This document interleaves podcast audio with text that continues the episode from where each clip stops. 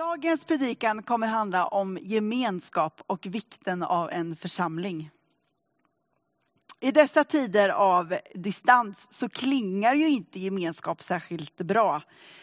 Vi är rådda till att eh, isolera oss, till att inte umgås med särskilt många människor. Eh, och vi bör helt enkelt inte träffa andra människor. Men i grund och botten så behöver du och jag gemenskap. Vi är skapade till gemenskap. Vi behöver varandra för att spegla oss i varandra, för att ha någon att säga hej till. Någon som bekräftar vår existens. Och när det handlar om tron på Jesus så behöver vi varandra för att förstå vem Gud är. I dessa märkliga tider så längtar i alla fall jag efter gemenskap så att det nästan gör ont i kroppen. Att få krama om någon, få ge ett rejält handslag, att se någon i ögonen och säga hej, hur mår du? Att inte behöva vara rädd för att smitta någon eller bli smittad. Vi är trötta av den här tiden av isolering. Och längtan av gemenskap har väl aldrig varit större. Idag kommer jag utgå från eh, Efesierbrevet kapitel 3, vers 16 till 20. Och där står det så här. Därför vill jag falla på knä för Fadern, efter vilket allt vad Fadern heter i himlen och på jorden har sitt namn. Måtte han i sin härlighetsrikedom ge kraft och styrka åt er inre människa genom sin ande så att Kristus genom tron kan bo i era hjärtan med kärlek. Stå fasta och var stadigt rotade i honom. Så att ni tillsammans med alla de heliga förmår fatta bredden och längden och höjden och djupet. Och lära känna Kristi kärlek som är väldigare än all kunskap tills hela Guds fullhet uppfyller er. Han som verkar i oss med sin kraft och förmår göra långt mer än vi kan begära eller tänka Hans är härligheten genom kyrkan och genom Kristus Jesus i alla släktled i evigheters evighet. Amen. I den här texten så ser jag tre tankar kring vad gemenskap och församling är, vad det får betyda för oss. Så vi börjar. Gud vill ha gemenskap med dig. I vers 16 och 17 i den här texten som jag precis läste så står det, måtte han i sin härlighetsrikedom ge kraft åt er inre människa genom sin ande. Gud i sig själv är gemenskap. Den treenige guden är tre i en, Fadern, Sonen och den helige anden. Och när Gud skapade den här jorden så gör han ju det i längtan av gemenskap. I, redan i Bibelns första kapitel i första Mosebok, kapitel 1, vers 26, så står det så här. Gud sa, vi ska göra människor som är lika oss. Guds plan med eh, skapelsen, det var gemenskap med människan. Och när sen människan väljer bort Gud att gå sin egen väg så startar en liksom räddningsplan hos Gud själv. Hur han på något sätt ska försöka få kontakt med människan igen.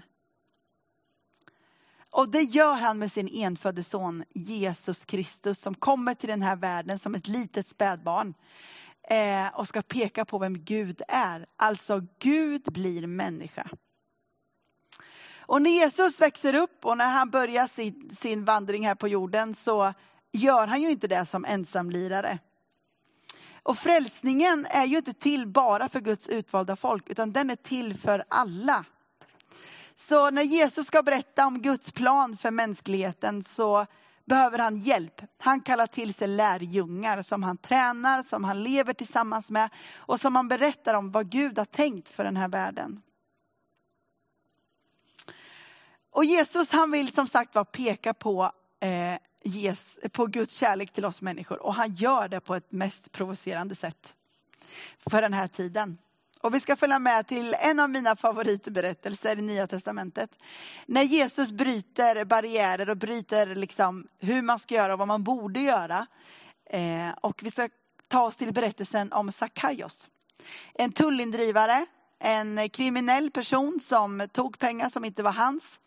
Eh, och som var en ökänd eh, person. Och nu är Jesus på väg och han, han kommer in i den här staden och Sackaios blir nyfiken. Så han klättrar upp i ett träd på lite på håll för att se vem Jesus är. Och så står det så här. När Jesus kom dit såg han upp mot honom och sa, skynda dig ner Sackaios, idag ska jag gästa ditt hem. Sackaios skyndade sig ner och tog emot honom med glädje. Alla som såg det mumlade förargat, han har tagit in hos en syndare. Men Sackaios ställde sig upp och sa till Herren, hälften av vad jag äger, Herre, ska jag ge åt de fattiga. Och jag press, om jag har pressat ut pengar av någon så ska jag betala igen det fyrdubbelt. Jesus sa till honom, idag har räddningen nått detta hus. Han är också en son till Abraham. Och människosonen har kommit för att söka efter det som var förlorat och rädda det. Att äta tillsammans var något av det heligaste man kunde göra. Och man gjorde bara det tillsammans med andra judar, att, att gemenskapen blev liksom kring, kring måltiden. Men Jesus gör annorlunda. Jesus gör ingen skillnad på människor och han bjuder in alla människor oavsett vem vi är. Så Jesus, han söker dig och mig och så säger han, idag ska jag gästa ditt hem. Jesus vill bjuda in dig till gemenskap med honom. Något mer som den här texten talar om är ju att eh, Gud vill att vi ska vara tillsammans. I Efesierbrevet som jag läste i inledningen så, eh, så står det så här i vers 18 till 19. Så att ni tillsammans med alla de heliga förmår fatta bredden, höjden, längden och djupet. Och lära känna Kristi kärlek som är väldigare än all kunskap tills hela Guds fullhet uppfyller er. Nu när det är vinter och kallt så brukar vi elda hemma i våran kamin. Och det är lika fascinerande varje gång man får en till en sån här riktigt sprakande eld. Och sitta och titta in i den där elden, då liksom försvinner ju tiden. Och då slår det mig att den där bilden är ju en, också en bild av församlingen. Det är tillsammans som vi börjar brinna. Jag som behöver sätta igång den där elden, jag behöver sätta dit rätt material. Jag behöver stapla veden så att det kommer till ordentligt med syre. Och så behöver jag tända den där gnistan så att elden börjar brinna. Men om jag inte har, någonting, om jag inte har något syre eller dålig syretillförsel så tar det inte eld. Eller om jag bara lägger dit en vedklabbe, ja då tar det inte eld. Det tar lång tid och är väldigt, väldigt svårt. Men så fort jag lägger till vedbit på vedbit i olika storlekar, i olika former eh, och det får till syre, då kan elden ta fart. Gud vill med sin ande blåsa liv i församlingen och det gör, vi behöver vara tillsammans. Och varför jag vill elda i min kamin är för att jag vill få värme. Vi behöver varandra, dela livet med varandra, glädje och sorg och be tillsammans, läsa Bibeln, lovsjunga hans namn. Och det är så vackert beskrivet i den här texten att det är tillsammans som vi kan förstå mer om vem Gud är. Församlingen är Guds tanke för oss och det är det vackraste han vet. När vi kommer tillsammans för att lära känna honom. Innan den här pandemin bröt ut så träffades vi varje onsdag i kyrkan här. Eh, eh, varje förmiddag, de som var daglediga. Och så kom vi tillsammans, vi läste ett kapitel i Bibeln och vi bad tillsammans. Och vi ställde frågor till texten, vi benade ut hur det såg ut eh, när texten skrevs eller när, hur det var runt omkring. Och vi försökte liksom förstå den här texten. Och det gjorde vi tillsammans. Och så många gånger som jag tänkte, aha, är det så här det är tänkt? De onsdagarna, de saknar jag. Och jag saknar gemenskapen. För det är tillsammans som vi kan fatta höjden, bredden, längden och djupet om vem Gud är. Det tredje som jag tror eh, eh, vi kan tänka kring gemenskap i den här texten är Gud vill att vi ska finnas till för andra människor. Han som verkar i oss med kraft och förmår göra långt mer än vi kan begära eller tänka. Hans är härligheten genom kyrkan och genom Kristus Jesus i alla släktled i evigheters evighet. Amen. Gud vill att vi genom vår gemenskap ska visa på hans kärlek till människor. När Jesus hade dött och uppstått eh, och besegrat döden en gång för alla, så gav han vidare uppdraget till lärjungarna.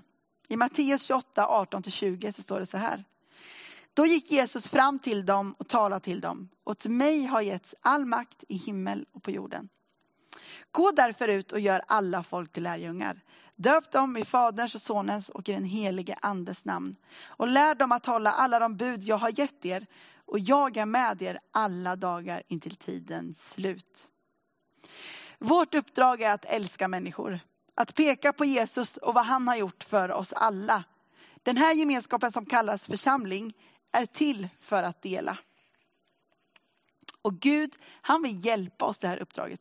Jesus lämnade inte lärjungarna själva, utan han gav dem den heliga ande för att hjälpa dem, för att ge dem kraft och styrka. Och precis så är det med Guds församling. Han vill att vi ska bry oss om vår medmänniska. Han, eh, att älska vår nästa så som sig själv är liksom det största budet. Att vi ska se dem som finns runt omkring. Paulus beskriver församlingen som Kristi kropp. Vi är olika delar fast i en kropp. Vi är liksom hans händer och hans fötter här på jorden. Och vi behöver se och älska varandra. Men då kan man ju undra, hur funkar då en församling i en pandemi?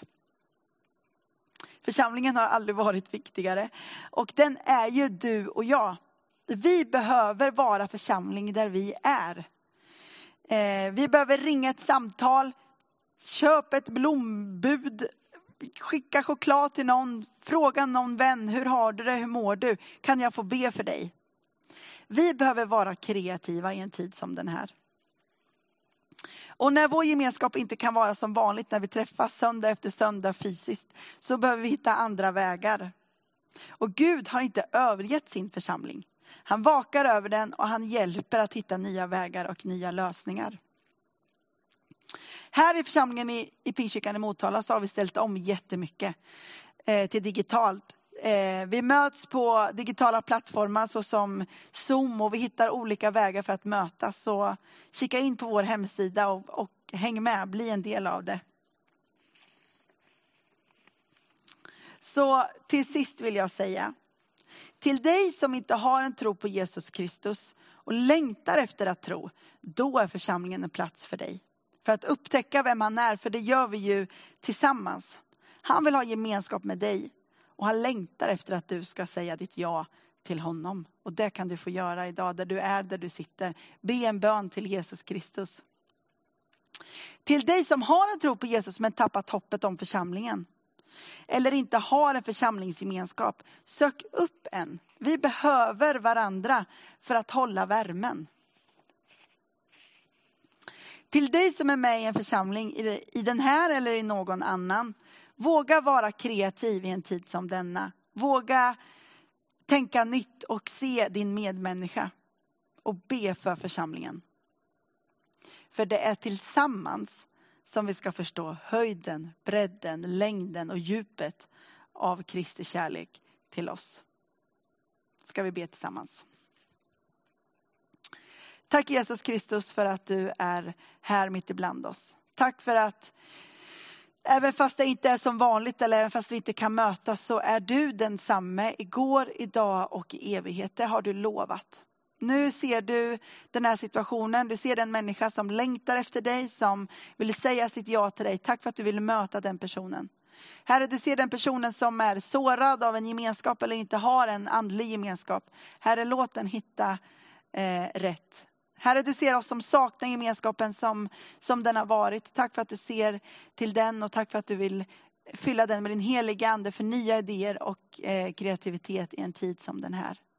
Tack för att du aldrig överger oss. Tack för att du alltid finns vid vår sida. I Jesu namn vi ber. Amen.